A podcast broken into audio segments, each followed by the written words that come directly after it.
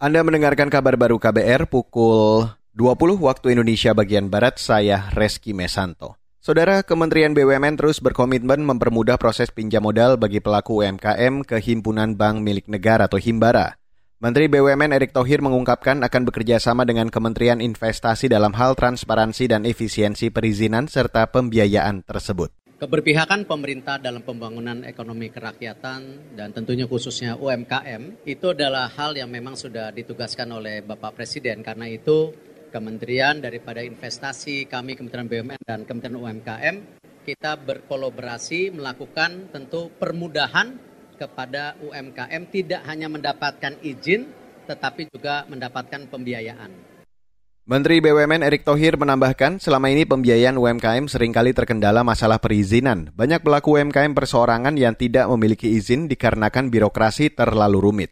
Untuk itu BUMN dan BKPM akan memperlakukan sistem online single submission atau SS, perizinan berusaha terintegrasi secara elektronik agar mempermudah perizinan. Beralih ke berita selanjutnya, Saudara. Komisi Pemberantasan Korupsi atau KPK menegaskan absennya Komisioner KPK Lili Pintauli Siregar dari sidang etik terkait dugaan pelanggaran etik memiliki alasan kuat. Juru bicara KPK Ali Fikri mengatakan saat itu Lili ditugaskan ke Bali sebagai pembicara dan menjadi narasumber dalam rangkaian pertemuan G20 Kelompok Kerja Anti Korupsi atau ACWG. Untuk itu pimpinan KPK menyurati Dewan Pengawas KPK terkait ketidakhadiran Lili sidang etik kemarin dilakukan penundaan nanti pada Senin 11 Juli 2022 sekitar pukul 10 eh, dengan terperiksa Ibu LPS ini tentu akan dipanggil kembali untuk hadir di persidangan. Adapun eh, persidangannya tentu nanti akan dilakukan secara tertutup, namun ketika pembacaan putusan kami pastikan akan dilakukan secara terbuka sebagai transparansi publik. Juru bicara KPK Ali Fikri menambahkan, Lili melaksanakan penugasan itu bersama dua komisioner lain, sebab KPK berperan sebagai chair ACWG dalam presidensi G20 tahun 2022.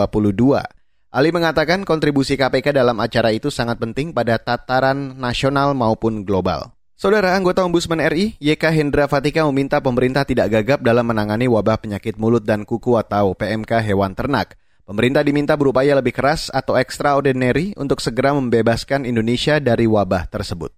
Kita pernah mengalaminya. Jadi kalau sekarang kita gagap, itu artinya kita melupakan sejarah atau kita tidak mau belajar. Para pejuang PMK yang membebaskan Indonesia dari PMK ini di tahun 1986 masih ada, masih hidup, masih bisa ditanya. Semua arsip masih ada juga, bisa dipelajari. Jadi kalau seandainya gagap sekarang sebetulnya tidak ada alasan Pak Busro. Karena kita pernah mengalaminya. Anggota Ombudsman RI, YK Hendra Fatika turut menyoroti perbedaan data Kementerian Pertanian dan BNPB terkait laporan ternak mati akibat PMK. Kata dia, per 5 Juli 2022, data jumlah kematian ternak di Kementan hanya 5 ribuan, sementara data BNPB berjumlah 257 ribu. Menurutnya, pemerintah harus menakar dampak atau valuasi dari ternak yang mati akibat PMK. Dia menaksir kerugian yang dialami peternak berdasar data BNPB mencapai 5,6 triliun rupiah. Dan saudara, demikian kabar baru, saya Reski Mesanto.